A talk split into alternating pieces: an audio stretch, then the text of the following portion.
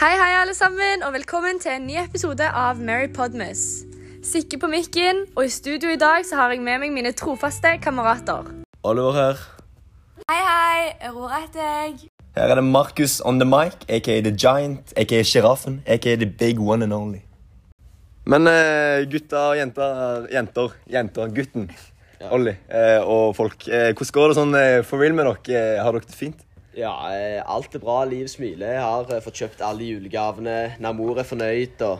Mor, er mor, mor er nøyd, da, er- da er livet godt. Da er livet godt. Da er livet godt. Nei, jeg kjenner at eh, det går fint. Jeg gleder meg til å åpne julekalender hver dag, og livet smiler her òg. Ja, jeg skjønner bare at jeg er veldig trøtt om dagen, jeg. Og lengter veldig mye til ferie og gleder meg til jul. Ja, Det tror jeg òg er sikkert mange som kjenner seg igjen i. Den der juleferien blir god. Vi har jo sett Netflix-serien Hjem til jul, og den eh, handler jo om eh, hvordan det er å være eh, alene i julen, da. Men eh, hva syns dere om den? Jeg syns det var en veldig bra serie. Den eh, viser at det går faktisk an å være alene i jula, og at selv om du er alene, så er du ikke ensom. I denne serien så blir vi kjent med Eiseth Johanne. Hun er en 30 år gammel singel sykepleier, og hun føler seg veldig alene. Hun føler at alle rundt henne enten er gift eller har kjæreste. Hun føler òg på et ekstremt press fra familien sin om å få seg en. Det blir ikke bedre når hun lyver på seg en kjæreste, og nå er hun nødt til å finne en og ta med seg hjem til jul. Eh, Fokusområdet vårt nummer én er da kamerateknikk. Der skal vi se litt om bildeutsnittet, klipperytmen, kameravinkelen og fargebruken i spesielt episode tre. Følelser blir brukt veldig mye i denne serien, og for å uttrykke disse følelsene så har de brukt bildeutsnitt, og så har jeg lagt merke til at nært og halvnært blir veldig mye brukt, og dette er da for å eh, få et bedre fokus på ansiktet og eh, ansiktsuttrykkene og sånn. Og et eh, eksempel på dette fra episode tre kan være når eh, Johanne møter Sebastian, som er en ung gutt med rusproblemer. Han forteller hvor han egentlig har lyst til å være istedenfor å være på sykehuset. Og da ser vi at de zoomer veldig inn. Ikke helt ultranært, men mer nært. Dette styrker hele, hele følelse Alt det følelsesmessige. Eh, ja, og eh, når vi da kommer til et nytt sted i serien, eller eh, kommer til en ny situasjon, så brukes det ofte totalt eller ultratotalt, som da nesten er det motsatte av nært og ultranært og halvnært, for å få overblikk over stedet, over alle personene som er der, og sånne ting, før vi igjen spisser oss mer inn på de personene vi skal følge i den scenen. Eh, Et eksempel på det ultratotale og totale bildesnittet er jo da etter Johanne har overnatta hos han Fockboy, eller Jonas han heter. Eh, da bruker de nei, ultratotalt og totalt for å vise huset hans og hvor de da har vært i denne scenen. Siden denne serien ikke inneholder sånn sinnssykt mye um, actiongreier og sånn, um, så er klipperytmen ganske uh, lang, og det er lange klipp. Som det, det, ja, det er ikke så korte klipp. Nei, men det er jo faktisk en slåssscene i løpet av serien. Og eh, når Ja, når, når Paul og han Stian på Ja. det der julebordet begynner å bli litt hissige, da er det jo mye kortere Mm. klipp for å vise at ting her går kjapt. Ja, stemmer stemmer det. Innenfor eh, kamerateknikk så skal vi også snakke om eh, kameravinkel. Og da har vi normalperspektiv, vi har undervinkling og vi har overvinkling. Og eh, undervinkling er da når man ser nedenfra og opp på en person. Og overvinkling er når man ser ovenifra og ned på en person. Og normalt perspektiv er da helt vanlig rett fram på en, på en person. Og eh, det er normalt perspektiv som blir mest brukt i serien.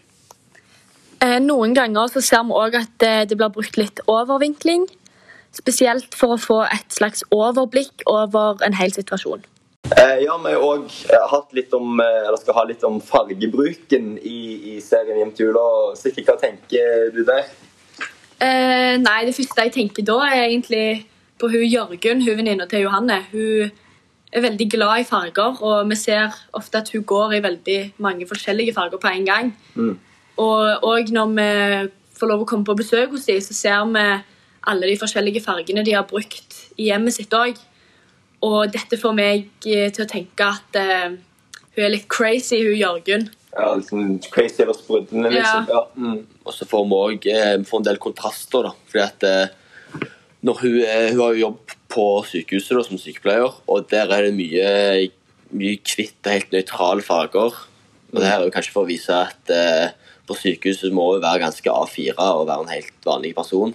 Mens utenom så er det mye mer livlig, og at du kan være mer seg sjøl. Mm. Ja, jeg er enig med deg at liksom sykehuset beskriver mer jobben hennes måte, der må må være veldig skikkelig og streng, og liksom fordi hun er sykepleier og må gjøre ting riktig og sånne ting. Ja, så har du hun der sjefen som går etterpå Ja, ja. hver gang. hun Ja. gjør det. Ja, ja, Det skal være veldig strengt, og sånne ting, mens i privaten så er det litt mer sånn, da er det andre ting som skjer. Hun har prøvd å få seg kjæreste, og det er, at det er mye greier som skjer rundt det. på en måte, og det er Masse faker skaper på en måte liv, og et symbol på at det skjer mye utenfor på privaten hennes. da. Ja. Mm. Ja. Hva tenker du om, om fargebruken i, i serien? Eh, man merker jo òg at eh, det er veldig sånn eh, bevisst brukt av fargene, sånn med at det er liksom juletid.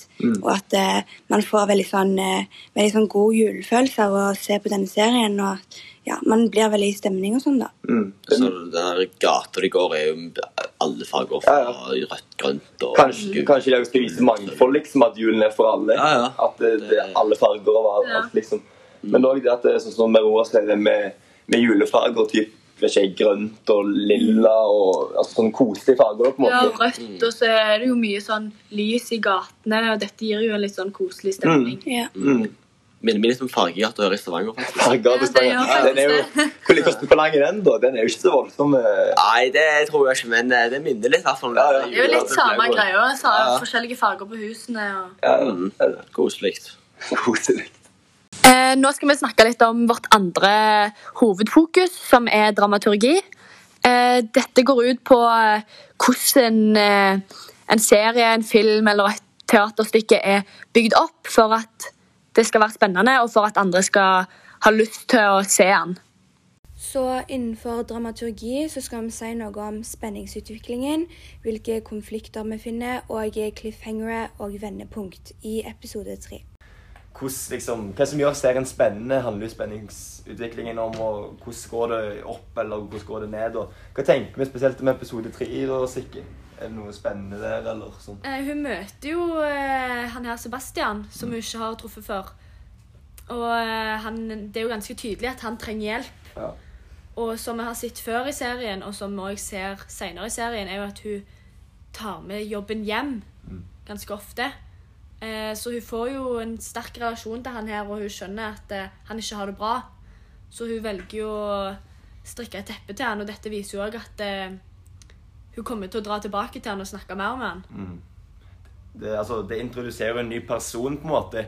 Og kanskje akkurat på det tidspunktet i den episode tre der det begynner å bli litt sånn dødt, kanskje, på en måte, Ja. så kommer det en ny person inn, og du får et nytt inntrykk på en måte, og tar med videre i serien, som gjør at den fortsetter å beholde på liksom spenningen, på en måte, da, kan du si. Og så lurer du jo litt på hva som skjer videre med han her, og Mm. om de holder kontakten. Mm. Det er jo sånn hver eneste gang det kommer en ny person inn i serien, så begynner du å lure på oi, hva skal han her ha med storyen å gjøre. liksom. Skal Ja, ja. han her ha noe innvikling på hun? Blir det den nye kjæresten? Altså, det I eh, serien så har vi jo òg møtt Bengt Erik på sykehuset.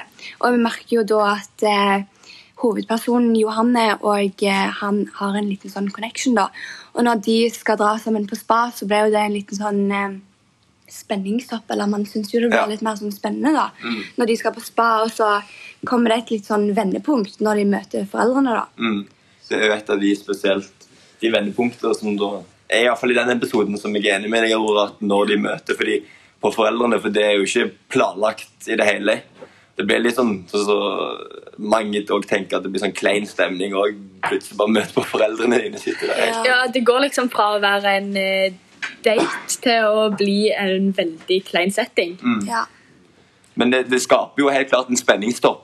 At, at de skal på det spaet sammen, på en måte.